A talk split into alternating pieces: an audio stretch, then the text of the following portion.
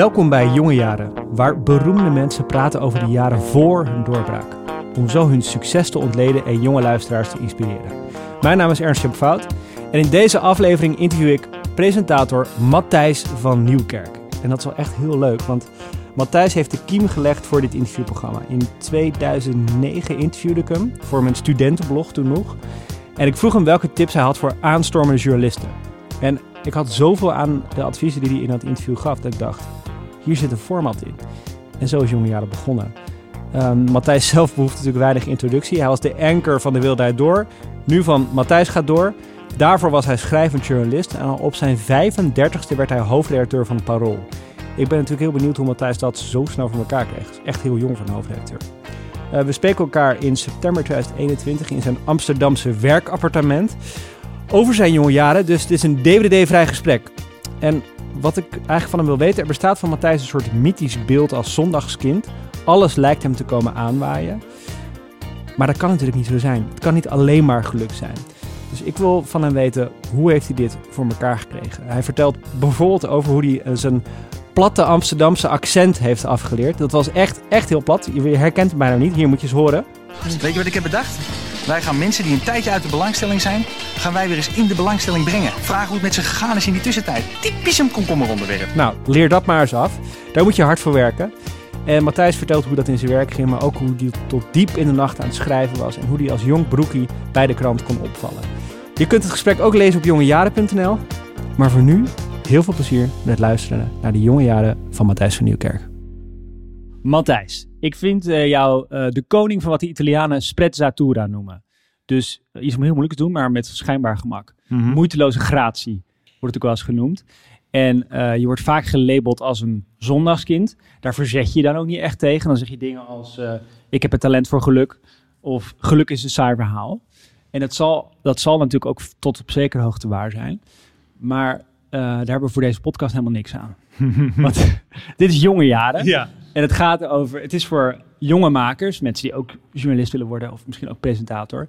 En die moeten juist leren van de momenten dat het moeilijk was voor jou. Ja. Of dat het even tegen zat, of dat je het verschil moest maken. Dus daar, daar zou ik het over willen hebben. Heel goed. En um, je hebt zelf ook wel eens gezegd dat je dat, je dat graag had, zo'n interview had willen lezen vroeger, toen je zelf begon. Ja. Dus dat gaan we maken. Dankjewel. En uh, met die, die gedachte, uh, de eerste vraag. Wanneer kwam je er definitief achter dat je geen profvoetballer ging worden? Ik denk dat ik een jaar of 16 was. Ja. Ik woonde nog in Hilversum, in mijn ouderlijk huis. Ik stond op het punt, nee, 17 te worden. En toen ben ik uiteindelijk, uh, toen was ik klaar met de middelbare school. Ik voetbalde bij Victoria. Dat is een voetbalclub in Hilversum. Hele oude club, toch? Hele oude club. De Good Old. Ja. Zo heet dat. Met nog een paar oude verenigingen in Nederland. Een soort, uh, ja, een soort club. 1800, bond. 1800 nog wat. Ja, zoiets. Ja. Hè? ja. En uh, ik kon aardig voetballen.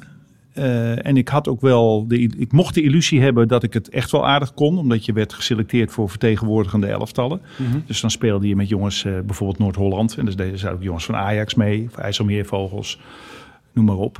Uh, en op een gegeven moment merk je dat je al zakt naar de achterhoede. De beste voetballers voetballen toch in de voorhoede uiteindelijk.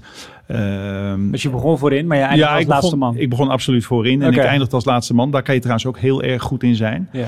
En dan kan je ook Ajax nog wel eens halen. Jaap Stam. Bijvoorbeeld, ja. die zal wel zijn hele leven de laatste man zijn geweest, denk ik. Um, maar en toen ging, toen ging ik studeren. En toen heb ik dus ook nog heel lang wel gedacht, of heel lang, niet overdrijven, een jaar van, uh, nou, doe mijn best. Niet drinken, uh, niet roken, dat heb ik trouwens nooit gedaan. Uh, dus niet zoveel uitgaan. En toen zag ik wel dat het niet haalbaar was. Maar dat is laat. Dus vrij je, laat. Want dan heb je dus echt heel lang die droom gekoesterd. Er zit ook zeker iets naïefs in. Maar ik wist bij God niet wat ik zou willen doen in mijn leven. Dus als ik nou een, echt een hele heldere ambitie had... dan was dat voetballen waarschijnlijk al een beetje uh, over de rand gekukeld. Ja. Maar dat had ik niet. Dus ik hield me daaraan vast. Ik, het, ik, mijn leven speelde zich ook af tussen de bibliotheek en het voetbalveld. Ik Aha. fietste van de Schravenlandse weg naar, uh, naar mijn voetbalclub Victoria. Schravenlandse weg was de grote bibliotheek in Hilversum. Ja. Elke week een boekje of zeven onder de bagagedrager. En voor de rest mijn voetbaltas achterop. Meer deed ik niet. En als je er zo laat, als je zo laat uh, die droom in de ijskast zet, dan heb je dus, was je dus blijkbaar uh, erg goed. Kan je je nog een moment herinneren dat je dan dacht van, ah, nee, het wordt hem toch definitief niet? Was dat een, een avond of een, of een middag of een moment in de wedstrijd? Het was mijn snelheid eigenlijk. Okay. Uh, ik, ik, ik, ik verloor uh, sprintduels. En net te vaak. Oh ja. En dan moet je je wel à la Daily Blind heel goed kunnen opstellen. En de ja. wedstrijd kunnen lezen en weet ik veel wat.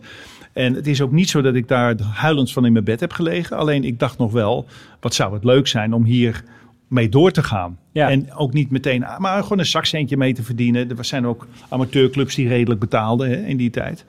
En nog wel, denk ik trouwens. Uh, maar het was het niet. En toen, werd ik, uh, toen kwam ik in Amsterdam, ging Nederlands studeren. Maakte dus meer werk van het lezen eigenlijk. Ja. En toen, kwamen er, uh, toen kwam wel het biertje en het uitgaan en, de, en, en gewoon het studentenleven. Ja, in de college tour zei je, wat was het nou? Veel seks, drugs en bijbaantjes. Ja, ja. dat klopt. Een beetje een richtingloze student. Ja. Maar dat voetbal heeft je wel al een beetje het pad opgebracht waar je nu, dat je nu bewandelt. Want maar, ik begreep dat je stukjes voor de Gooi in Eemlanden ging schrijven. Ja. Wat voor stukjes waren dat? Dat waren hele kleine, slechte stukjes. En de Gooi Nederlander had altijd een pagina waarin alle Hilversumse clubs, of Bussum of Laren, in ieder geval het Gooi, uh, kort een wedstrijdverslag uh, van, van, die wedstrijden was kort verslag te lezen. 100 woorden of zo? Ja, ik denk 100, 150 woorden ja. maximaal. En aan mij werd op een gegeven moment gevraagd, goh, ik schreef altijd in het clubbblad. De zegenkar, okay. heette dat nog. Oh, dus dat initiatief had je al genomen? Schreef ik over mijn eigen elftal. Ja. En dat deed ik mijn best op. Het waren apartere stukjes. Die, die onderscheiden zich wel een beetje van de rest van de kopij. En dat viel iemand op bij de club. En die zei, ze zoeken bij de Gooi eenmaal iemand die over onze club schrijft. En meestal brengt de club die zelf aan. En die oude man was ermee gestopt, geloof ik. En ja. toen ben ik dat gaan doen. En dat vond ik super spannend. Een oude man ingewilligd voor een jonge hond. Ja, voor een jonge hond. Toen? Nou, toen was ik dus 16, 15, 16 jaar, denk jong. ik. Ja. ja. nee, ik was jong. En toen moest je die kopij brengen naar de Gooi Nederlander op je fiets. Dus ik had het eerst getikt. Het was natuurlijk nog een velletje papier gewoon. Ja. Hè? Dit was nog helemaal geen computer of en niks. Dan gezet. En dat werd dan daar gezet. En dan hadden wij de Gooi Nederlander, die hadden wij ook. Met het, samen met het parool. Uh, in, ons, uh, in ons gezin, in ons ouderlijk uh, huis. En dan las ik dus mijn stukje terug.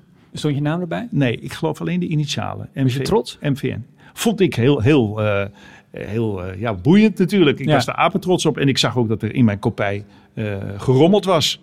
Ja, dat vond ik natuurlijk, dat vond ik toen al. Ja. Ik deed best wel lang over een zin, weet je wel. Ik wilde er echt wel iets van maken. Niemand, nobody cares natuurlijk op zo'n sportpagina. Dat is natuurlijk palen voor de zwijnen. Uh, en er waren natuurlijk eindredacteuren die daar ruksigloos in knipten. En daar had ik verdomme een half uur op zitten zweten. Dus, ja, een half uur over 100 woorden. En misschien nog wel langer. Ik zei ergens anders dat je, dat je soms ook wel eens uren over zulke soort stukjes deed.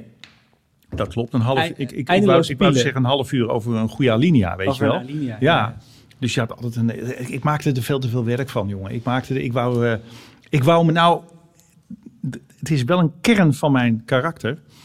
Toen al. Ik wil het heel goed doen. Mhm. Dus als je ergens een kans krijgt. Dit was een kansje. Maar toch. Hè, je staat in een krant. Je bent gedrukt. Dat was ja. toen nogal wat. Je kon het aan je oom en tante laten zien en aan de buurman. Uh, daar deed ik stinkend mijn best op. En waarom? Waarom wilde je het zo goed doen? Ja, ik wil dat het heel goed is als mijn naam erbij staat. Dat ik, dat ik, dat ik, dat, en ik wil onderscheidend goed zijn eigenlijk. Ja, dus je was toen al...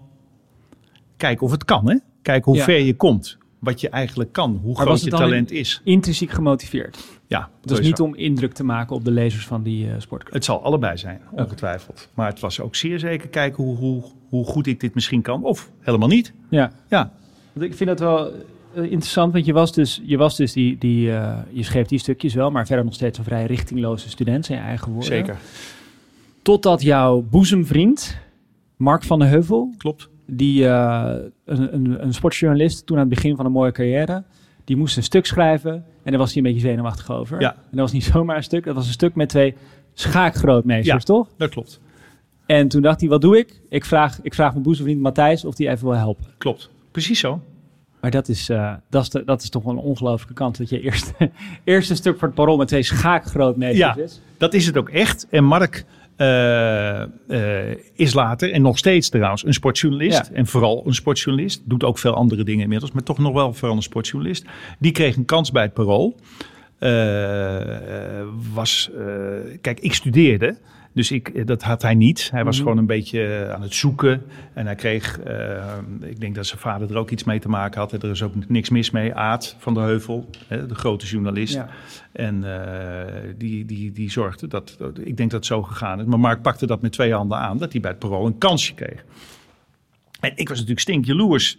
Want ik denk bij een krant weer, bij parool. Dat is de krant van mijn ouders, man. Dat was Kamichelt. Dat was Aha. Annie M. G. Schmid. Dat was Sjane Roos. Dat was Marten Reuling. Dat was eh, Bart Jongman. Dat was, godverdomme, of Wim Jongman moet ik zeggen. Eh, de televisiecriticus toen.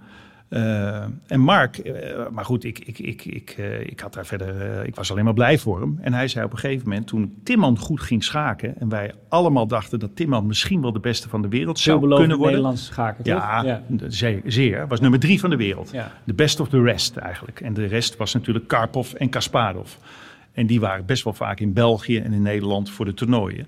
En toen heeft het parool gevraagd aan Mark: zou jij die twee mannen willen interviewen? Karpov en Kasparov. En dat vond Mark een, een hachelijk avontuur. Daar was hij een beetje wiebelig over. Waarom werd het überhaupt aan zo'n jonge hond gevraagd? Omdat wij schaakten heel veel. Oké. En blijkbaar, eh, het parool had Rob Hartog als schaakanalist.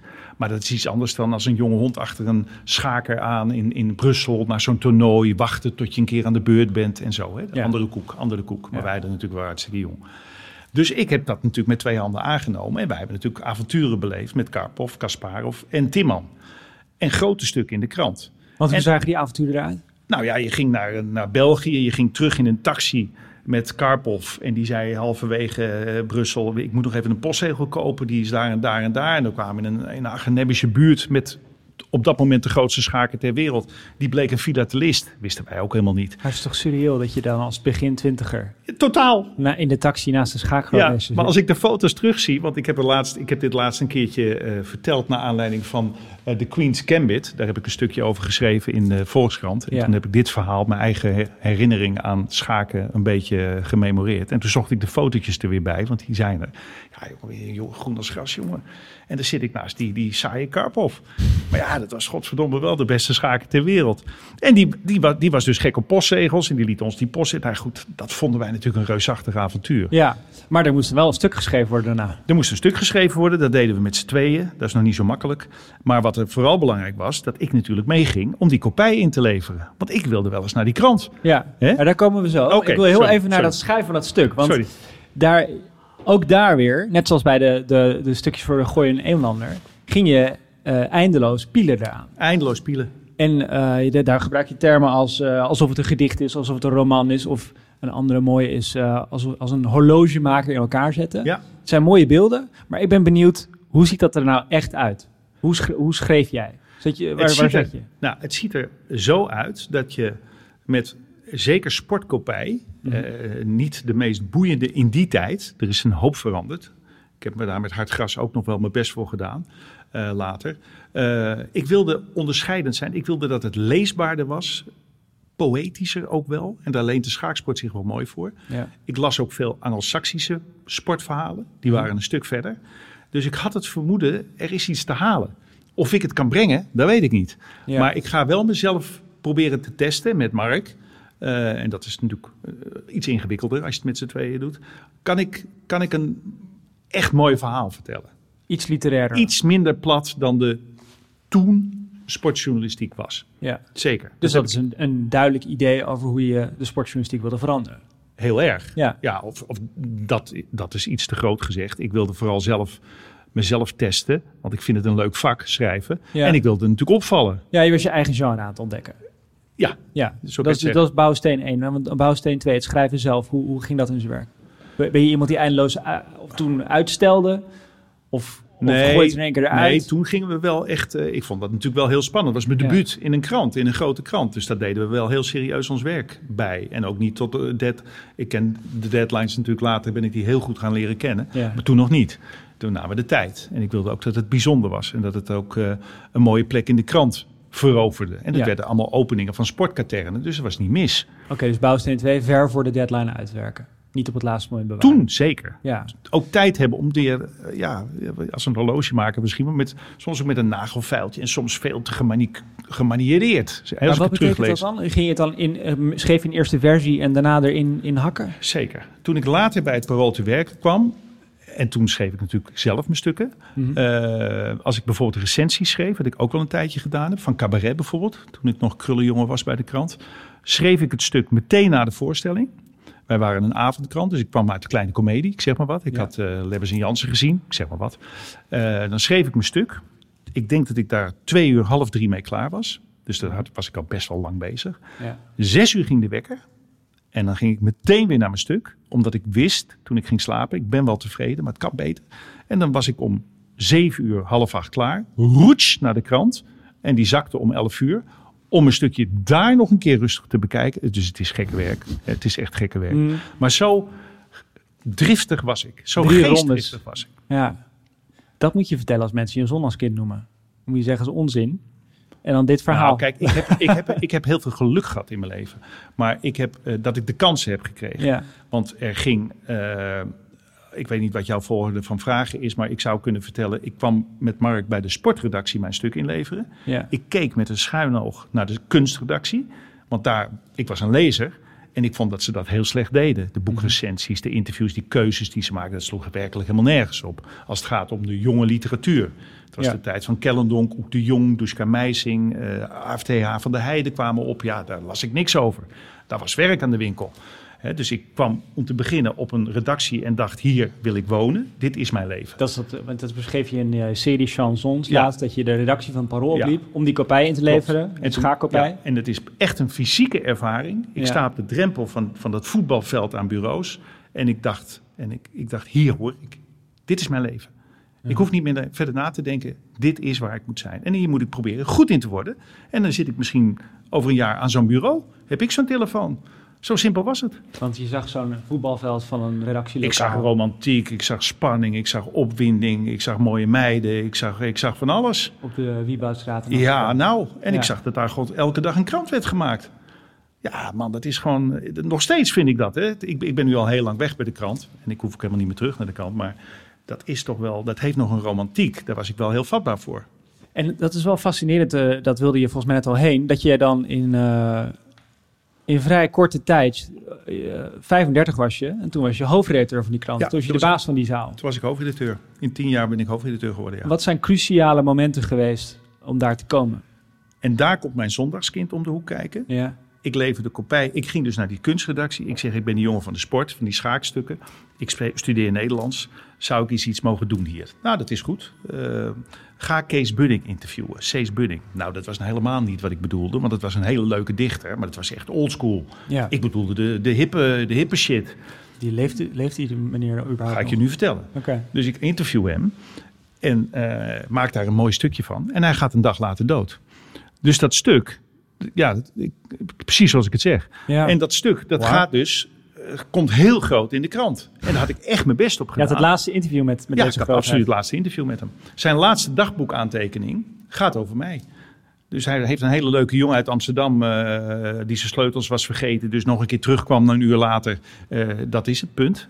Einde, einde, einde verhaal. Dus dat verhaal krijgt meer aandacht dan gemiddeld Ja. en viel op.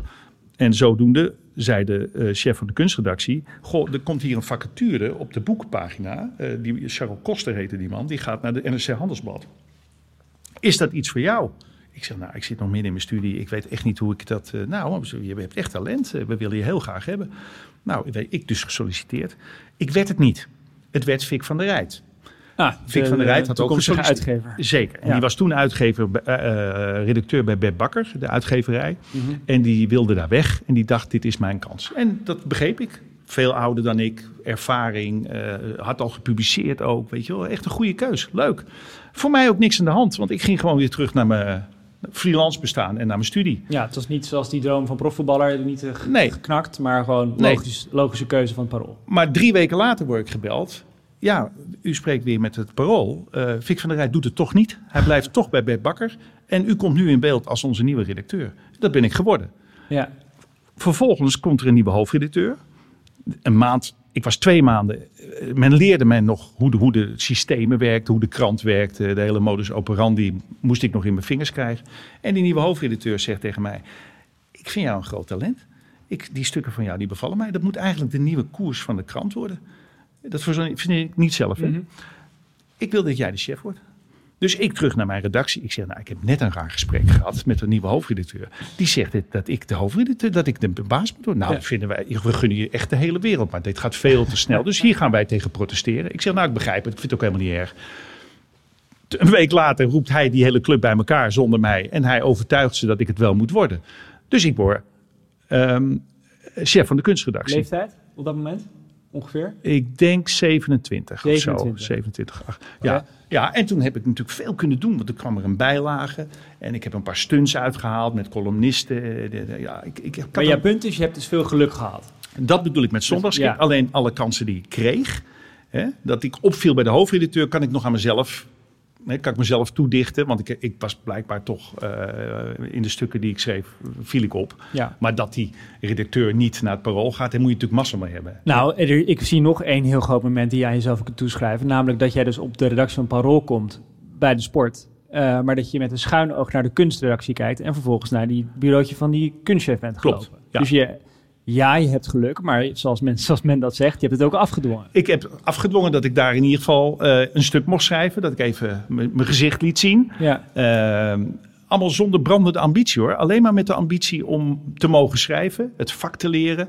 Van, uh, nou ja, en op die krant te komen. Dat Want ik... dat is wel interessant dat je niet zo. Dat je niet, ik, het klinkt in je verhaal ook alsof je niet heel ambitieus was. Ik, ik heb ook vrij snel carrière gemaakt bij een krant, bij NRC Handelsblad. Ja. En dan had ik ook zo'n moment dat, ik, uh, dat iemand zei, uh, hij moet chef worden. Hans Nijhuis zei, hij moet chef van een internetredactie worden.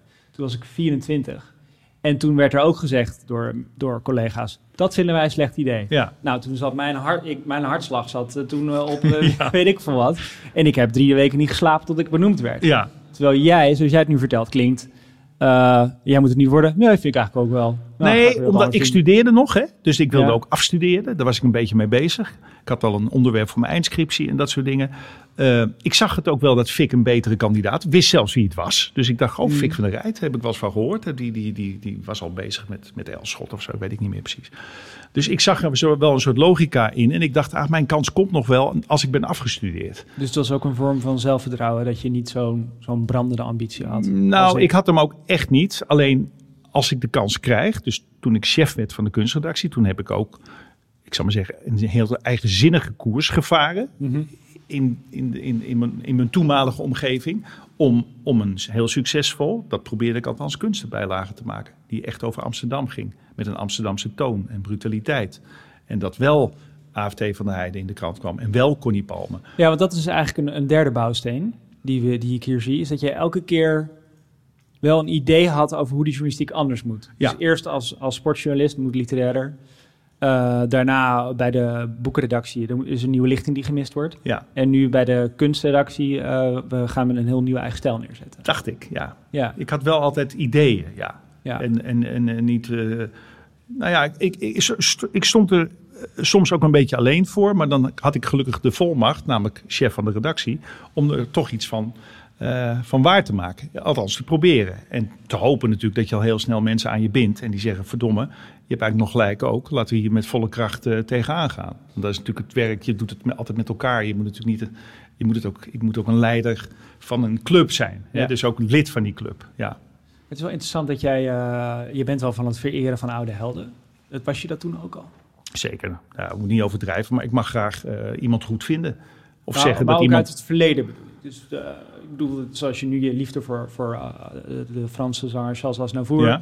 dat je dat altijd uitdraagt. Had je dat vroeger, die leeftijd ook al, dat je bijvoorbeeld bij het Parool kwam en dacht, Carmichelt, de, de, grote, de, het grote voorbeeld? Tuurlijk. Um, want ik had dat bij, bij mijn eerste maanden bij NRC, wat ik zoiets van, ik ben nu bij de krant van Hofland. En, en ja. Dus ik ga, uh, ik ga proberen in die stijl verder te gaan. Ja. Terwijl jij meteen zoiets had van, mooi, dat, mooi wat ze neer hebben gezet, maar er moet een andere stijl worden ingevoerd? Nou, de, de, de, de, reden dat ik ook hoofdredacteur uiteindelijk ben geworden, was dat ik al heel snel vond dat de noodlijdende krant Het Parool, ooit natuurlijk een, een, glanzende titel, was het op dat moment niet. Maar toen ik er kwam te werken, was Carmichelt er nog wel. Annie M. Gesmied ook. Ik ging de kopij bij zowel Carmichelt als Annie M. Gesmied haalde ik op. Binnen handen?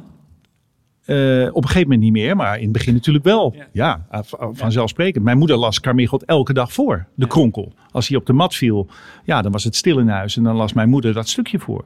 En ik zag hoe gelukkig mijn moeder was. En ik zag ook hoe ik hoorde hoe mooi ik het vond. Dus dat, ik, ja, ik, ik stapte toch in een soort. Ja, ja in, een, in een heilig huis, Ja. wat dat betreft. Maar tegelijkertijd dacht je, we moeten wel iets gaan We veranderen. moeten wel iets veranderen. En mijn idee was, het moet Amsterdams worden. Het Parool moet een Amsterdamse krant worden. En dat was het niet. Mhm. Mijn voorganger als hoofdredacteur, en, en eh, dat is ook dat te verdedigen, die zei nee, want met Amsterdam beperken we ons verspreidingsgebied. Dus dan hebben we minder kans op nog meer lezers. Terwijl ik dacht, dat is feitelijk juist, uiteraard. Ja. Alleen als je een goede Amsterdamse krant maakt, gaan alle Amsterdammers die de krant nu nog niet lezen, hem wel lezen. En die winst is uiteindelijk groter en het profiel van je krant wordt helderder. En de manier waarop je die redacteuren aanstuurt en de stukken die je wil lezen. En hoe je Ajax volgt en de gemeenteraad. Dat gaan we allemaal een schepje bovenop doen, et cetera. Nou, Dus zei je tegen Martin Bril, ga eens een rondje lopen door Amsterdam en schrijf op wat je ziet. toen, toen ik hoofdredacteur werd, zei ik tegen Martin Ja. Bril... ga jij eens een eh, rondje door Amsterdam lopen. Dat klopt. Maar dan missen we nog één puzzelstukje in het eh, hoofdstuk van Parool. Wa- hoe werd je dan van kunstchef uiteindelijk hoofdredacteur? Ik werd gevraagd door de VPRO om hoofdredacteur te worden. Van de VPRO. Dat, is het, dat was het moment dat Roelof Kiers overleed. We hebben het nu over de oldschool VPRO. Met nog eh, Wim en, eh, Kees en Wim.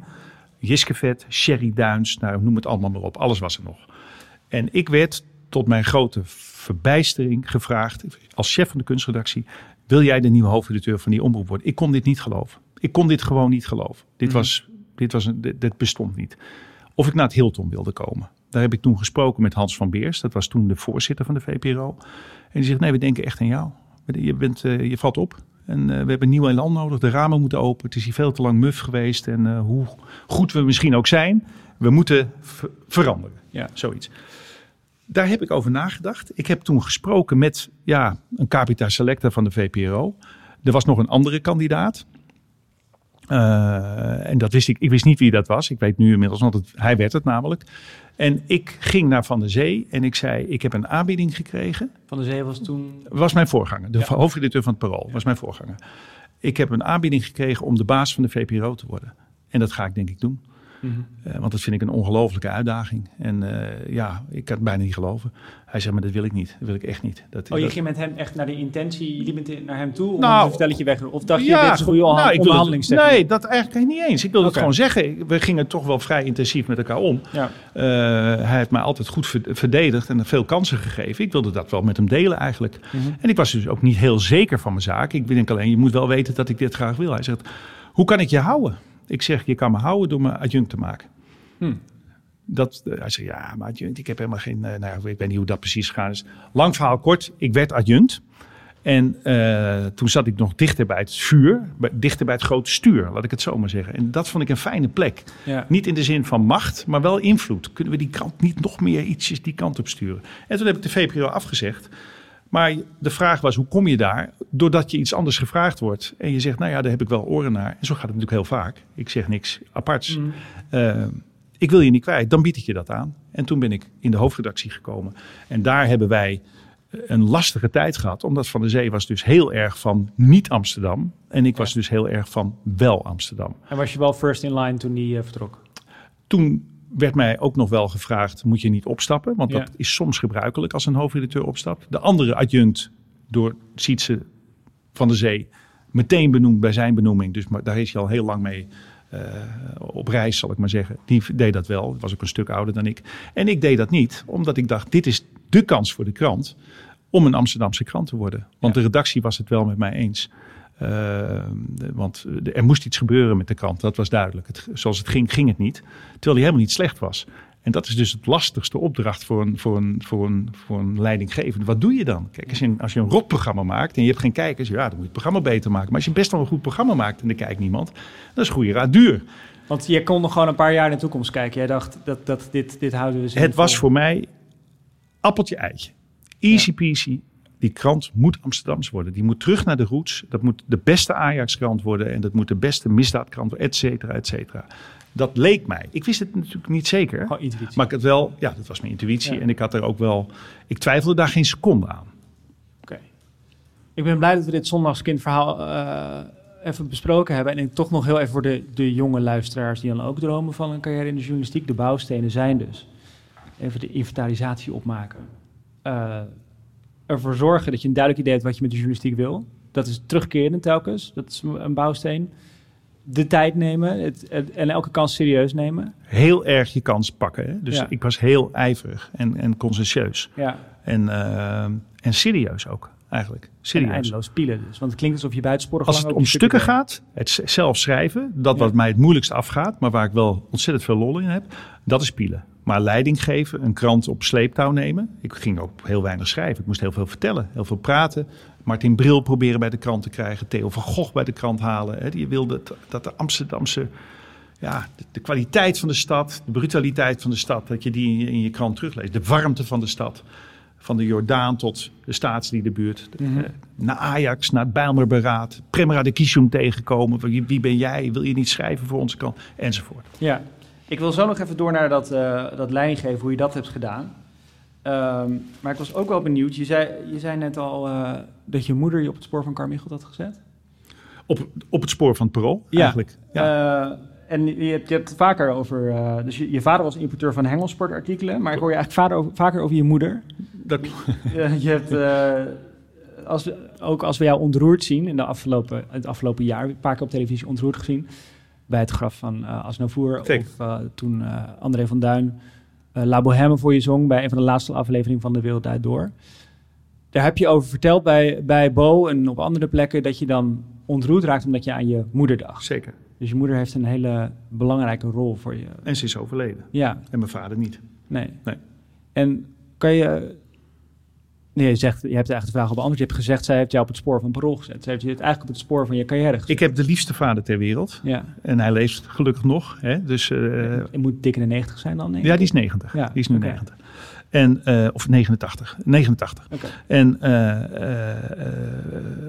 ja, een ontzettend lieve man. Een voetballer. Altijd mee naar het sport. En, en, en, nou goed, en, en de man van mijn moeder. Hè, dat was een gelukkig gezin. Maar mijn moeder was een las en las de krant. En was van het parool. En, en, en, en, en had het over het parool. En als de parool niet bezorgd werd om vijf uur s middags, dan werd er verdomme gebeld. Waar blijft die krant? Wat verdomme. Ja. He, er was natuurlijk geen internet, niks. Er was dan, dat hoorde zo bij ons gezin. En die liefde die kwam van mijn moeder. Mijn vader was niet tegen het parool, maar las de krant veel minder secuur Ja. en, en van, van voor naar achteren dan mijn moeder. En mijn moeder heeft me ook op het spoor van Franse liedjes gezet. eh, Ja, liedjes ook, gezet. ook een terugkerend En thema. in je ook- en carrière. ook eh, Jan Wolkers aan me aangereikt. Van lees dit boek eens. Dit vind ik een mooie schrijver. En, en dan, dan ja, ik, ik volgde haar natuurlijk daarin. Ja. Zij leerde mij heel veel. En ik heb dat natuurlijk altijd in mijn hart opgesloten als, ja, als, als, als, als iets ontzettend liefs voor mijn moeder. En, en ja, ik heb, voel een grote liefde voor mijn moeder. En, ik hoe- mis mijn moeder heel erg. En hoe, eh, hoe zag haar leven eruit? Was ze, was ze huisvrouw? Zij was huisvrouw. Oké. Zij was huisvrouw. Mijn vader was heel vaak op reis, want die kocht bamboe in in Azië en maakte daar hier in Nederland kleine hengeltjes van. Onder andere, maar daar was hij wel maanden per jaar weg. Dus mijn moeder zorgt gewoon voor ons gezin, voor mijn broer en mijn zusje en ik. Zo bijzonder, want als je nu, als je nu aan mensen zou vragen... Wie, waar denk je aan bij Matthijs de Nieuwkerk? Dan, dan noemen mensen journalistiek, eh parool. Eh, ze noemen de chansons. Eh, ze noemen de, waarschijnlijk de literatuur. Daar schrijf je nog steeds stukken over. Dat komt allemaal door je moeder dus. Nou ja, het komt natuurlijk ergens vandaan. Maar mijn Ja. moeder heeft me dit ontzettend, heeft me heel erg geïnspireerd om dit, ja, om hier kennis mee te, van te nemen. En ik zie hoeveel plezier het mijn moeder deed.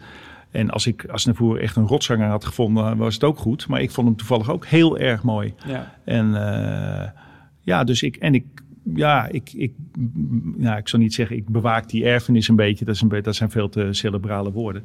Maar ik koester het wel. Het is ook een herinnering aan mijn moeder levend houden. En eh, ja, dit programma Chansons, dat is met puur toeval, nou, over zondagskind gesproken, op mijn pad gekomen. En eh, inderdaad was ik zeer geëmotioneerd bij het graf van toeval? Je bent toch gewoon nu de bekendste televisiemaker, dus je kan maken wat je wil. Dat is waar, maar ik kom Rob Kemps tegen en dat is wel echt toeval. Eh, die heb je zelf in je show uitgenodigd. Dat klopt, maar ik kwam hem tegen in een andere show. Eh, en ik kende, ik kende Snollebollekes eigenlijk helemaal niet zo goed. Ja, Ik vond, het wel snap een, ik vond het wel een leuke kandidaat bij de slimste, waar Ja. ik wel eens naar kijk.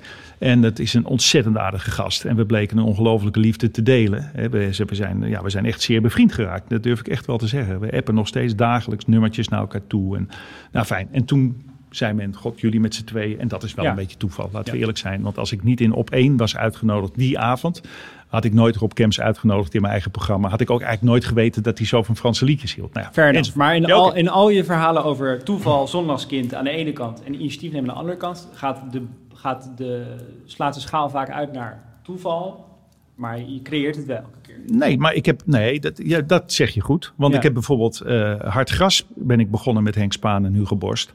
Het, het literaire voetbalblad. Bestaat nog steeds trouwens. In het begin had ik daar heel veel bemoeienis mee. En maakte ik het ook echt eigenhandig met Henk. eh, eens in de toen nog drie maanden. Eh, dat was natuurlijk ook een drift van. We missen in de sportjournalistiek, in de voetbaljournalistiek. Ja, we missen gewoon het mooiere verhaal. En bovendien de echt goede pennen. eh, Ja, die, die, die wagen zich helemaal niet. Rudy Kousbroek zijn nog sporters voor de domme. En hij, werd, hij kreeg applaus. Ja, maar zo zijn we niet getrouwd. Dus toen hebben wij echt Anglo-Saxische leest gedacht... laten we kijken of we Nederlandse goede journalisten en schrijvers... kunnen verleiden om over voetbal te schrijven. Nu Ja. weet je niet beter, maar het was toen nieuw. Dus dat is geen toeval, dat is gewoon... Ja, Ja, bij- bijna zend- weer- zendings, zendingsdrang eigenlijk. hè? Ja, weer zelf zo'n nieuw genre onderscheiden en daar volgens achter gaan staan. Ja. En nog heel even over je moeder. Ze heeft je dus op het spoor gezet van allerlei onderwerpen die je nog steeds dichtbij houdt. Was ze ook een soort raadgever voor je? Eh, nee, dat niet, niet. Nee, mijn ouders hebben mij ontzettend vrijgelaten. En ik heb ook niet zoveel raad gevraagd. En ik was ook niet zo zorgelijk. Het ging mij redelijk voor de wind. Dus ze, hadden ook niet heel veel, eh, ze zullen niet heel veel nachten over mij hebben wakker gelegen. Nee, het ging waarschijnlijk zo snel als het amper konden bijhouden. Nou ja, je moet je wel voorstellen dat, dat, dat ik hoofdredacteur word van de krant. Waar mijn moeder dus haar, haar, haar hè, die ze verslonden heeft. Dat Op was, je 35ste, zo dat- ben ik nu. ja, dat, dat was is natuurlijk wel een heel apart, Ja. apart verhaal. Hè? Ja. Dat, is, eh, dat, dat, dat hebben we ook altijd wel samen zo ervaren. Hoe is, het, hoe is het mogelijk, zei mijn moeder dan? Hoe is het toch mogelijk? Ja. ja, soms gaat het zo. In dat, in dat eh, aparte verhaal speelt opvallen een rol. Je noemt een paar keer dat je opvalt. Dat is natuurlijk een basisingrediënt daarvan is goed werk maken. Dat, dat spreekt voor zich. Maar heb jij nog adviezen voor, voor jonge luisteraars hoe je, eh, ja, hoe zeg je dat? Elegant opvalt. Want het klinkt niet alsof je opviel van hallo, hier ben ik. Nee, mij- absoluut niet. Nee, nee, nee, helemaal hoe- niet. ik, ben elegant ik ben een redelijk verlegen man. Nee, helemaal. Nou, door je werk goed te doen. Maar dat, dat, Dus door, door, door zo'n stukje dat ik nog zes uur s ochtends weer de wekker zette om het nog iets beter te maken. Ik deed met blote hoog nauwelijks waarneembaar, denk ik. Maar voor mij heel belangrijk.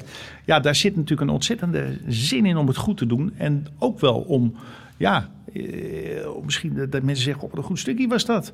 Ja, dat, daar deed het ook een beetje voor. Ja, Dus je werk sprak voor zich, dat is alles? Hoe bedoel je? Nou, dus het enige wat er nodig was om op te vallen was gewoon je werk goed doen. Goede stukken. Nou ja, ik, ik, ik ben ook nog wie ik ben. Dus je levert op dat moment. Kijk, nu gaat alles digitaal. Dus je stuurt een stuk naar een krant. Vroeger kwam je het brengen. Ja. En dan heb je ook nog eens een kopje koffie met iemand. En die zou kunnen zien eh, hoe ik in elkaar zit. En die zou kunnen denken: oh, die kunnen we misschien eh, gebruiken. Had je dat dan in je achterhoofd? Als je die Nee, dat, geloof ik niet. Dat geloof ik niet. Ik was niet op. eh, op ik was niet aan het solliciteren eigenlijk. eh, behalve dan dat ik eh, een goede, goed werk wilde leveren. Eigenlijk. Ik- kijk, als ik een bekentenis moet doen, elk contact dat ik bij NRC had in die tijd, terwijl ik daar carrière probeerde te maken, was, had ik in mijn achterhoofd telkens van, hoe, Ja. hoe kom ik verder? Had je dat helemaal niet? Nou, dat had ik niet echt. Nee, nee, maar ik moet je, nee, eigenlijk niet, want ik kwam ook vrij snel verder. Door die snelle opeenvolging van zaken. En toen was het een tijd lang de kunstredactie. En toen kwam eh, de VPRO langs. En er waren ook wel andere trouwens, maar de VPRO was echt een. eh, echt een, eh, ja, iets, iets waar ik heel serieus over was. En toen heb ik dat, bleek dat toch een breekijzer te zijn om, om, eh, om nog een, een, een sportje te klimmen op de ladder. Ja. Maar had je niet toen je die kopje, ko- dat kopje koffie dronk bij die ontmoetingen met redacteuren, dat je, door, dat je op een gegeven moment door had van, oh, ze naast dat mijn werk goed is, mogen ze me ook wie ik Ja, ben? dat had ik wel. Ging ja. je dat dan wat meer eh, Exploiteren. etaleren? Exploiteren. Ja, ik wou etaleren zeggen, exploiteren kan ook. Nee, ik geloof eerlijk, ik, het is mij natuurlijk helemaal niet vreemd. Een beetje eh, flirten, zou ik maar zeggen. Ook Ja. met, met collega's om te kijken, eh, willen jullie me niet hebben? Of, Ja. Maar ik geloof niet dat ik dat toen heel nadrukkelijk heb, heb gedaan of heb hoeven doen. Ik geloof het echt niet. Nee. nee. Fascinerend. Ja. Ik vind je nu, je komt nu wel over als iemand die eh, in een interview met de Eus gaat erover dat je meedogenloos bent in je werk. ja, we hebben het over tv-werk. Hè? Ja, tv-werk Ja. nu. En daar, daar, daar spreekt veel brandende ambitie uit. Maar als je praat over je jonge jaren, klinkt het ook een beetje laissez-faire. Heel erg, heel erg Ik bedoel, wel hard werken, daar niet van, maar om het werk zelf. En niet om de carrière. Nou, niet laissez-faire als het om het werk gaat. Wel van Ja, wat, carrière wat het Ja, ik geloof dat ik daar wat laconieker over was op dat moment. Ja. Maar ik moet je wel zeggen, ik wilde graag op die voetbal, op, op die zaal terechtkomen. Daar kwam ik dus wonderlijk snel terecht. Ja. Hè, door een speling van het lot, Fik van der Rijt. En toen heb ik, door een andere speling van het lot, werd ik heel snel chef. En toen had ik mijn handen vol. Mhm. En het ontzettend naar mijn zin. En toen had ik een ongelofelijke drift om de kunstbijlagen te maken waar iedereen het over zou hebben in de stad. Ja. Tuurlijk had ik dat. En bij dat leidinggeven dat je toen op een gegeven moment moest doen, dan moet je af en toe voor een groep staan. Ja, zeker. Dacht je toen opeens, kwam, wie, wie zei toen op, voor het eerst tegen jou, dat kan je eigenlijk best wel goed, dat praten? Eh, dat zeiden mensen op de kunstredactie. Want daar ging ik inderdaad op een stoel staan. Ik heb heel veel op stoelen gestaan. Kan je dat moment nog herinneren dat je voor het eerst te horen kreeg, dat kan je goed? Ja, dat kan ik me nog wel herinneren. Wat was dat voor? Ik weet ook nog wel dat ik eh, op dat moment had ik ook een radio. Ik ging ook, ja, dat, ik ga nu op een hele rare zijstraat in. Ik ging radio maken op verzoek van Jan Donkers voor de VPRO. Een, een, een heel obscuur programma. Het mag ook verder geen naam hebben. Heeft het ook nooit gekregen. Jan Donkers, literair journalist, helemaal gek van Amerika. toch? Ja, Ja. die Jan Donkers. Met wie ik eh, biertjes dronk en met wie ik voetbalde in die tijd. En die zei ook, god, wat praat jij makkelijk. En het, eh, jeetje, Mina. En dat vond ik eigenlijk zelf op dat moment ook wel. Het ging me, ik had er wel aanleg voor. Het ging me redelijk af. En eh, dus ja, op, en dat was niet altijd zo. Niet al bij spreekbeurten op de lagere school, helemaal niet. Op, maar op een gegeven moment moet je het ook vaker doen. Mhm. Dat is natuurlijk wel echt essentieel. Je moet het ook durven. En je gaat pas op een stoel staan als je een verhaal hebt.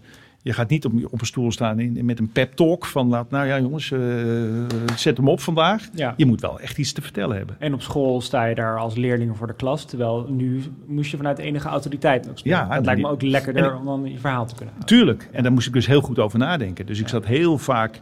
Nou ja, ik heb zelfs in de Engelse kranten. Ik was natuurlijk geabonneerd op alle kranten van de wereld. Om ook alleen al naar de opmaak te kijken. Hoe dun is een kolomlijntje? Is dat twee punten? Is dat drie punten? Waarom een kolomlijntje? Schreefloze kop? Waarom niet? Eh, nou, ik zat daar maar mee. En dan had ik het uitgedacht. En dan ging ik weer eens op een stoel staan. En zeg ik, jongens, ik heb dit eens bestudeerd. Maar dit, zouden we, dit, dit doen we goed. Complimenten, fantastische week achter de rug. Maar dat zouden we anders kunnen doen. En die rubriek ben ik jaloers op. Hoe kunnen wij... Nou, en zo Dus dat eindeloos spelen, dat deed je ook uh, ter voorbereiding van een speech thuis. Thuis. Ja, dus ook daar heel veel tijd. Ja, je stond ik- daar niet, je dacht niet van, oh, nee, moet ik nu eens even nee, gaan nee, staan. nee, nee. Ik kwam altijd zeer beslagen ten ijs. En dat moest ook, want ik was de jongste. Ja. Dus ik had natuurlijk een, ik had redacteuren die waren, die waren 50, 60 jaar. En ik was een snotneus. ja, en journalisten zijn bloedhonden. Als ze er een verhaal horen, dan gaan ze proberen het af te breken. Exact, exact. Dus dat is niet meteen een, zijn, zijn niet meteen cheerleaders. Dus je moet je werk heel goed doen. En dat vond ik fantastisch, die verhouding. Want dan moest ik, ik werd getergd om dat zo goed mogelijk te doen. Mhm. En dus deed ik heel veel huiswerk. En heel veel kranten lezen, nadenken, dat soort stukken. Waarom hebben we niet één grote foto op een pagina? Waarom doen we dat niet een keer? Zo eens opvallen, weet je wel. Ja, en eh, in de luxe dat, eh, dat het krant slecht ging. En dat het alleen maar beter kon gaan, bij wijze van spreken. Ehm, dus ik, ik, men gaf mij ook veel credits van, nou ja, laten we dat dan maar proberen. Ja. En ik was natuurlijk enthousiast. Dus, eh, Maar ik vind het interessant dat je dus ook voor die speeches, wat dan niet eh, om het eindproduct gaat, nee, maar er ervoor bedoeld is om het eindproduct beter te maken uiteindelijk. precies. Dus je daar ook heel veel tijd in stak. Ja, En het viel dus op dat je een goed verhaal kon vertellen. ik, kwam, ik, kwam, ik kwam uit mijn woorden, ja. Ja, en toen kwam Jan Donkers naar je toe. Nou ja, toen heb, ging ik radio maken. En Want toen zei Jan... radio- ja, radio en dat, dat vond ik, dat, daar was ik heel erg, eh, dat was echt een, eh, een hero. Hè. Dat had je toen in de Café de Pels, waar ik, eh, waar ik toen veel kwam. Mhm. Daar hadden we verschillende divisies, zou je kunnen zeggen. Dus de studenten Nederlands, zo kwam ik binnen. En achterin stond Henk Spaan, Rogier Proper, Adriaan van Dis, Remco Kamper, Willem van Malsen. Eh, dat, waren, dat vonden wij, Jeroen Henneman, dat vonden wij wel, potverdorie, dat was de Beaumonde. Ja, Hè, die, en- in een café in de Negenstraatjes in Amsterdam. Exact, exact. Ja. Vlakbij het Spui. En Jan Donkers, die ging met ons voetballen. Die leerde ik toen wat beter kennen. Daar had ik veel bewondering voor. Schreef ook goede boeken trouwens, romans en zo. En hield van muziek, net zoals ik. Eh, en die gaf mij het eerste compliment wat ik niet meer vergeten ben. Van Oh. jij hebt talent. Mhm. jij, jij komt heel goed uit je woorden. En dat, eh, dat is eh, heel fijn. Dat je dat, eh, nou, zoiets was het. Toen dacht ik, nou, oké. Oké. Dan, dan ga ik daar eens Ja. weer gebruik van maken. En wat voor radio ging je toen maken? Idiote radio. Baldadige onzinradio. Is dat dat wil, wilde haren? Nee, de wilde wereld. Wilde wereld? Ja. ja. Ik heb daarna geluisterd uit 1986. Ja, nee, dat was het. Met Fons Delle en Bram van Splunteren. Die presenteerden het. En in die... En Roel Bens van den Berg, zeggen die namen jou iets, eh, die ik allemaal Nee, nu noem? nee. Roel Bens ook nog veel voor de NRC geschreven. Eh, die hadden een soort rubriek, een soort eh, onzinrubriek bedacht. Voor mij en Mark van der Ja. Heuvel. Je boezemvriend. Mijn boezemvriend. Dus die, eh, we, we gingen een beetje, wij reisden ineens naar de radio toe. En de eindredacteur daarvan, of vaak aan de knoppen, ik weet niet hoe dat precies zat, zat Jan Donkers. En dat was een, eh, wat ik gehoord heb, dat staat ergens online. Het heeft VPRO online gezet. Is dat zo? Ja, is dan een item en dan bellen jullie mensen die in de vergetelheid zijn geraakt. Een coureur Ja, en een komiek die op een camping staat. ja. En jij hebt daar een heel plat Amsterdams accent. ja dat klopt. Ja, dat had ik ook. Dat zo, zo sprak jij vroeger echt. Nee, zo sprak ik echt, ja. Nee, daar heb ik echt aan moeten werken. Ik, het, is dat ik wist dat jij het was, anders had ik het niet nee, herkend. nee, dat klopt. Ik heb dat... Ik, Kan je ik, dat even voordoen? Want nee, dat- nee, ik ben het echt kwijt. Ik Echt sprak waar? echt plat Amsterdams. Dus toen men zei, toen ik al bij de krant kwam... maar men zei überhaupt al, kan het iets minder plat. Want ik, eh, ik ben het verder niet, hoop ik. Eh, Ja. En ik heb er toen bij de radio, maar ook bij de krant hoor... en eh, ik heb er echt aan me gewerkt om dat netter te krijgen. En bij de televisie is het ben jij volgens een mij... logopedist gegaan? Of, Ja, ook een keer van hoe kan ik dit, hoe kom ik hier vanaf? ja, want het is echt, het was echt fors. Nee, het was fors. Ja. Nee, het was echt Hoe fors. kwam het? Want je was toch in Hilversum opgegroeid? Ja, maar ik we- natuurlijk geboren in Amsterdam. Altijd Ja. Amsterdams oriëntated. Mijn vader, Ja. ja. alle familie was in Amsterdam. We waren heel vaak in Amsterdam. Het was dat mijn vader zijn werk zich naar Hilversum verplaatste. Dus dan wij mee, weet je wel, naar dat, dat oerzaaie Hilversum. En, eh, maar die... eh, Met het accent gecultiveerd. ja, misschien Tot wel. het niet meer van pas kwam. Nee, nee, misschien Nee. is dat het. Misschien is Nou, we dat zetten het in de show notes. Maar je moet het beluisteren om het te geloven. Ah. Hoe, je, hoe Matthijs nu even vroeger sprak. maar goed, je ging toen een gekke radio maken. Maar later ben je ook eh, opium gaan Ja. maken. ben ik door Petra Possel gevraagd. Want dat vind ik wel interessant. Er is een beetje een, een opvatting over, over jouw carrière. Toch een beetje een, mythe, eh, mythische carrière aan het worden in de Nederlandse mediawereld. Dus het verhaal is razendsnel hoofdredacteur geworden van het Parool.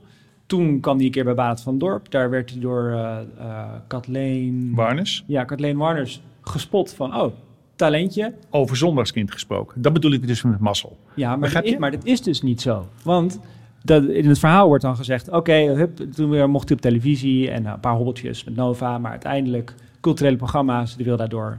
en de rest is history. Mhm.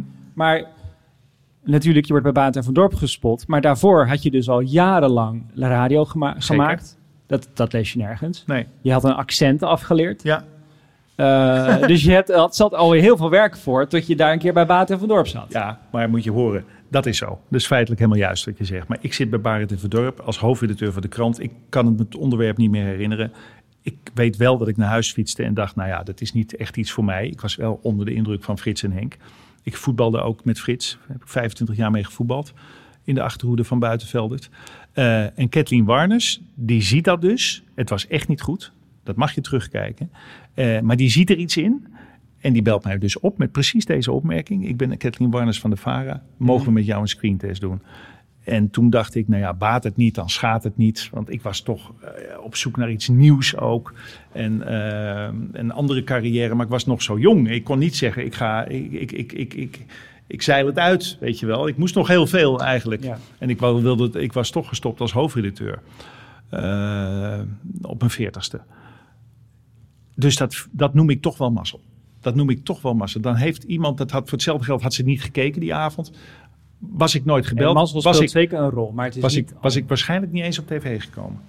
Ja, nou, ja, nou ja, dan had ze toch wel een andere mogelijkheid aangediend. Want je hebt wel gewoon een heel decennium radio gemaakt. Waar Vijf niemand, jaar. Waar niemand, of vijf jaar. Vijf jaar met Peter Pos. Waar, waar niemand naar luisterde.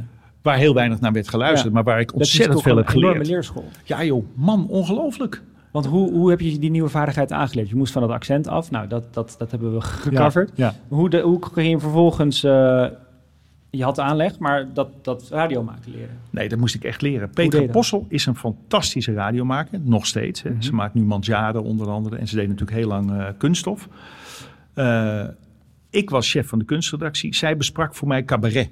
Zo kende ik haar. Ze kwam bij mij haar kopij inleveren en, eh, ja, en een kort koffiecontact. Meer was het niet. Zij krijgt de kans om een cultureel programma voor de AVRO te presenteren. En zij zegt, denk dat ik het heel leuk zou vinden om het met jou te doen. Ik weet niet wat je ervan vindt. Ik zeg, nou, het lijkt me een gouden kans. Maar ik, ik weet helemaal niet hoe het moet. Ja. En toen ik naast haar zat, heb ik ook heel veel moeten leren. Want ik was echt in het begin beren slecht. En hoe, hoe, eh, hoe gaat dat leren in zijn werk? Hoe ging Door het te doen, door het heel veel te doen, door heel snel van je zenuwen af te raken. Eh, een microfoon. Eh, het was live in een café, dus er zitten mensen om je heen. Dat was allemaal intimiderend. Kijk, nu, eh, nu, nu draai ik mijn hand niet meer voor om, Ja. maar dan vond ik dat nog wat. En er zaten natuurlijk uh, Jaap van Zweden. eh, er- zaten echt grote gasten. Het was geen kattenpis. Nee. Dus daar moest net ik... genoeg op het spel en er luisterden nog net te weinig mensen naar, zodat het wel een veilige leerschool was. Nou, je zegt het eh, precies zoals het is. Ja, dus, dus als je hier iets advies uit wil destilleren, zoek een veilige leerschool en leer door te doen. Nou ja, je, ben- je hebt het niet allemaal voor het zeggen. En zeker niet als je in de omroepwereld terechtkomt. Nee, maar wat je nu ziet met sommige presentatoren, Ja. ja. die worden veel te snel eigenlijk op een hoofdpodium neergezet. Terwijl je zou denken, nou, er zit echt wel talent in. Ik, ik, ik, zie wel, ik zie wel wat men er waarschijnlijk in ziet. Alleen op dit moment is het nog niet goed genoeg voor wat je nu moet doen. Ja. Dus daar hoort toch, daar hoort toch wat rijpen bij, hoe je het ook went of keert. Ja, Dat is ook ik- niet zo gek. Als we nieuws proberen te maken, ging ik nu vissen naar namen, maar dat is niet deze podcast. Dus we Nee, gaan want even ik, door ik naar ben eh, weer. heel veel gebeld over Ja. meningen, over programma. Maar ik zeg het eigenlijk in meer algemenere zin. Ik snap En er het, je zijn moet nu- vlieguren maken. Je moet vlieguren maken. Zo simpel is het. En dat vergeten we in deze tijd eh, af en toe even. Dat wordt vergeten of men denkt dat het niet zo is. Ik denk dat dat laatste nog veel zorgelijker is. Hmm. Dan doe je een screentest goed. Ah man, kom op, dan gaan we, dat gaan we toch. Nee joh, het is lastig. Sfeer maken, een beetje bij de les blijven. Zeker bij live televisie.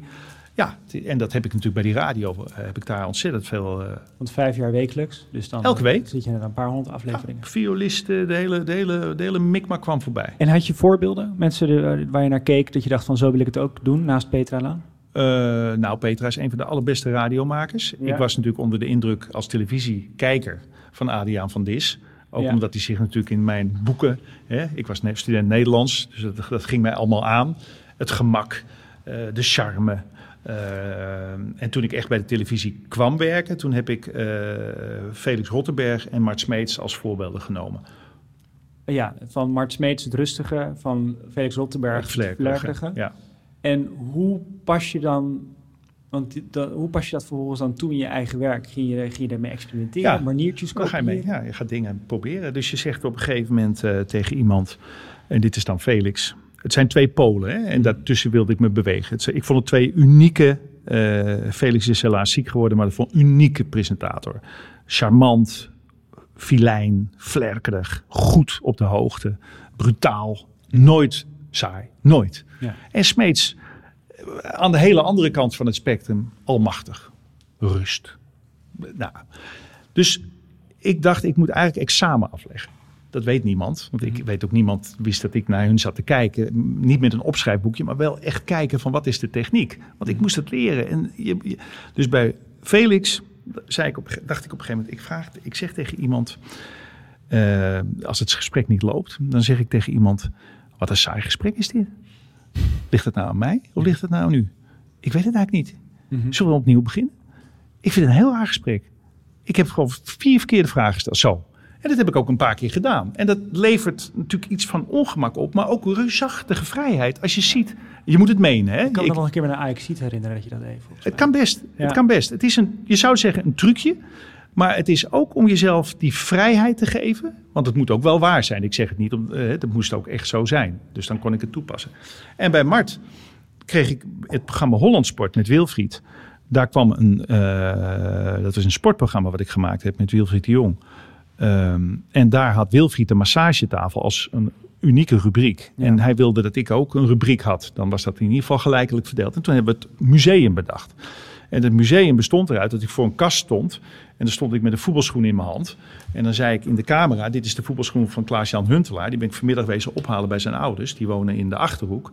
En wat er met deze schoen gebeurd is, dat is ongelooflijk. Dat heeft die vader me net verteld zo. Hè? Mhm. Op een camera, zonder autocue. Met een rust die Smeets had. Ja. Ik niet hoor, overigens. Maar ik ging dat leren. Dus het was mijn Mart Smeets examen eigenlijk. Dus ik kijk goed en dan neem je er iets van op. En je hoopt dat je natuurlijk verder ook iets van jezelf hebt, eh, vanzelfsprekend. Maar ik heb mezelf wel echt ge, ge- ge- gedwongen om, om, om het even na te doen. Gewoon Mhm. epigonisme eigenlijk, weet je. Half plagiaat eigenlijk. Om verder te komen in wat je durft. En waar toetste je het examen aan? Waar, was je, wanneer dacht je, voor, ik ben geslaagd? Eh, als ik een goed museum had gemaakt, en op een gegeven moment ging dat goed.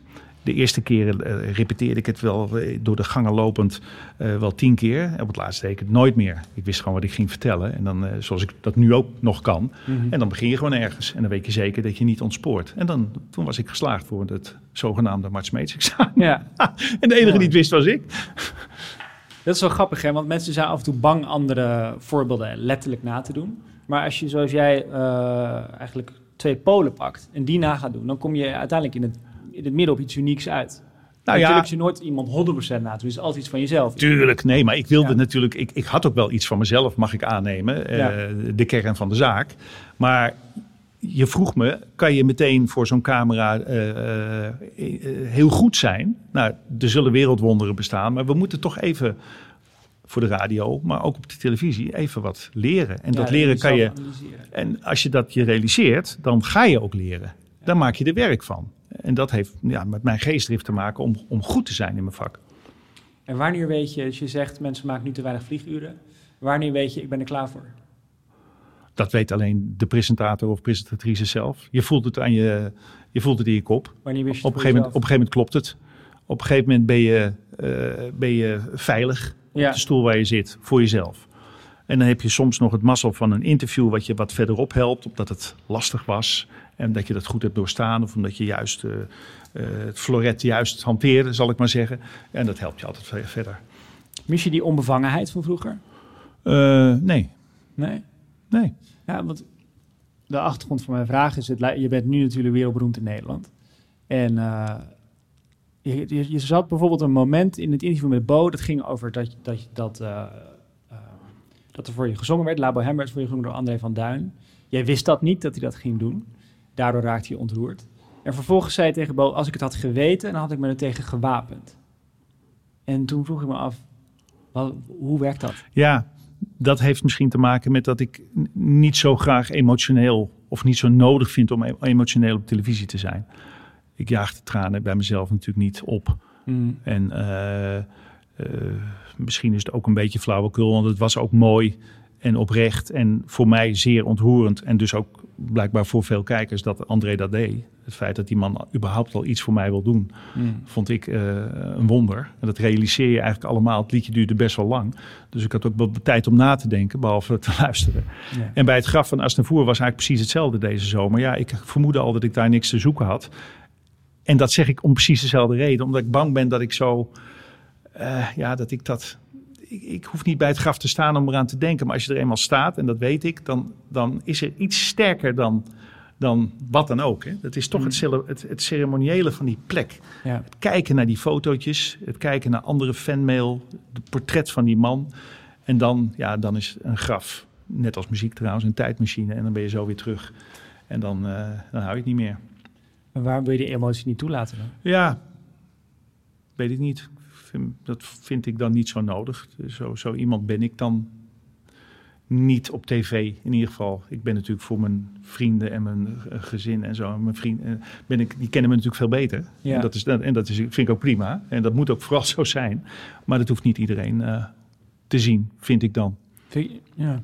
Maar het is wel gebeurd en ik heb er ook verder geen spijt van. Maar je zou ook kunnen zeggen, ik had een keer eh, heel intensief uh, spreekcursussen gevolgd om goed verhalen te kunnen houden voor een groep. En toen zei iemand op een gegeven moment, je, nu, nu kun je het heel goed, alleen uh, nu moet je het gaan opzoeken waar het, waar, waar, je, waar het angstig is. Want dan wordt het echt. Mhm. En die twee momenten, we hebben het er nu over, omdat het he twee hele echte bijzondere momenten waren. Op televisie. Dus je zou ook kunnen zeggen, ik accepteer niet een soort gestold beeld van mijzelf als zo ben ik als presentator. Ik, zoek, ik laat dit juist meer toe en dat is mijn nieuwe manier voor ja. groeien. Nou, daar is iets voor te zeggen. Zo heb ik er tot nu toe niet naar gekeken. Of het mhm. een gestold beeld is, dat is nou ook weer het andere uiterste. Ik merk aan de reacties dat mensen het wel, uh, ja, misschien zelfs wel op prijs stellen. Mhm. Dat je ook, uh, alsof ik die kant niet zou hebben. Maar ja. dat, is, dat zou natuurlijk een beetje raar zijn ik ben daar niet helemaal over uit. Ik heb er niet veel, uh, ik voel me er niet het gemakkelijkst bij, laat ik het zo maar zeggen. En ik voel me verder meestal reusachtig gemakkelijk. Voelde het, voelde het vroeger altijd gemakkelijk, de nieuwe dingen die je probeerde? Uh,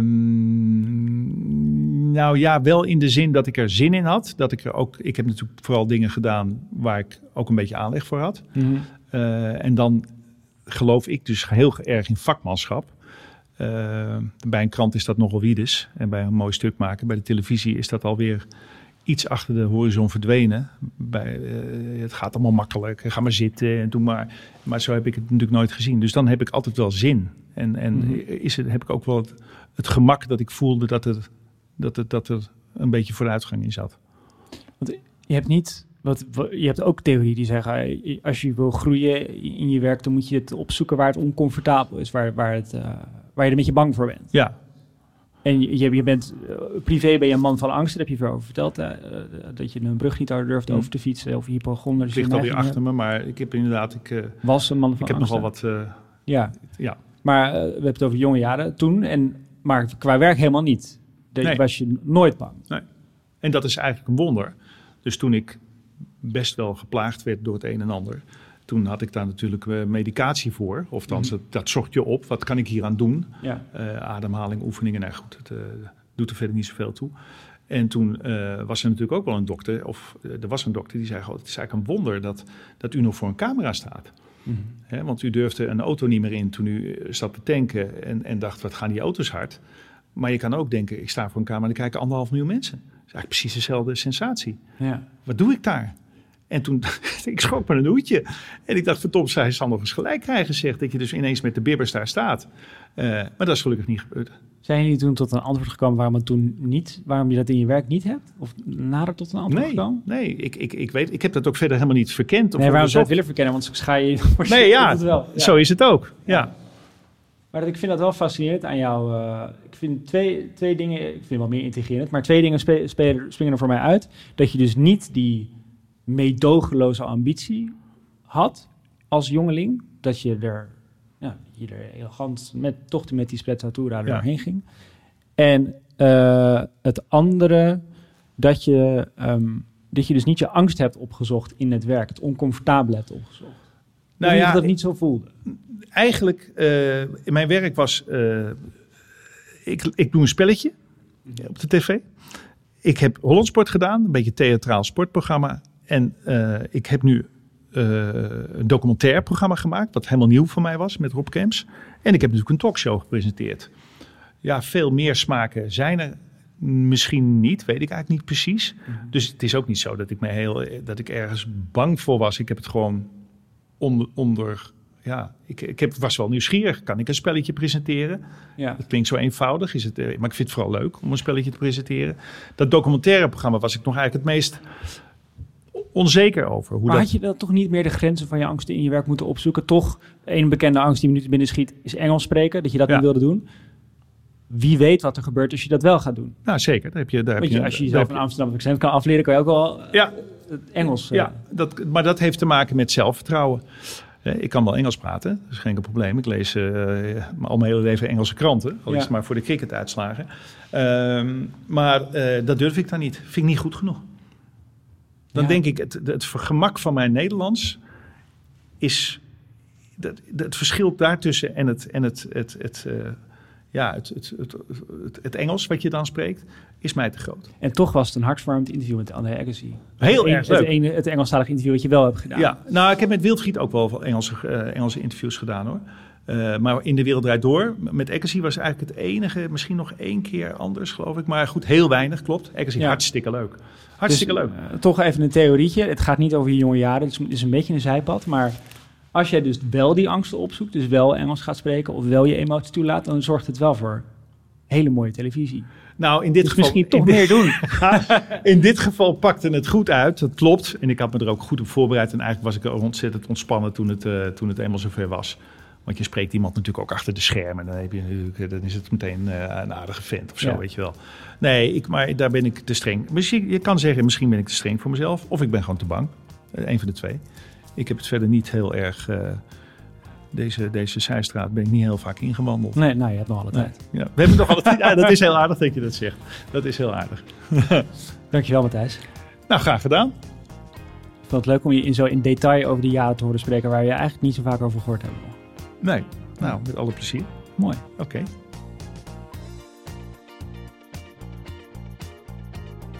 Dank voor het luisteren naar Jonge Jaren, een interviewprogramma van POM.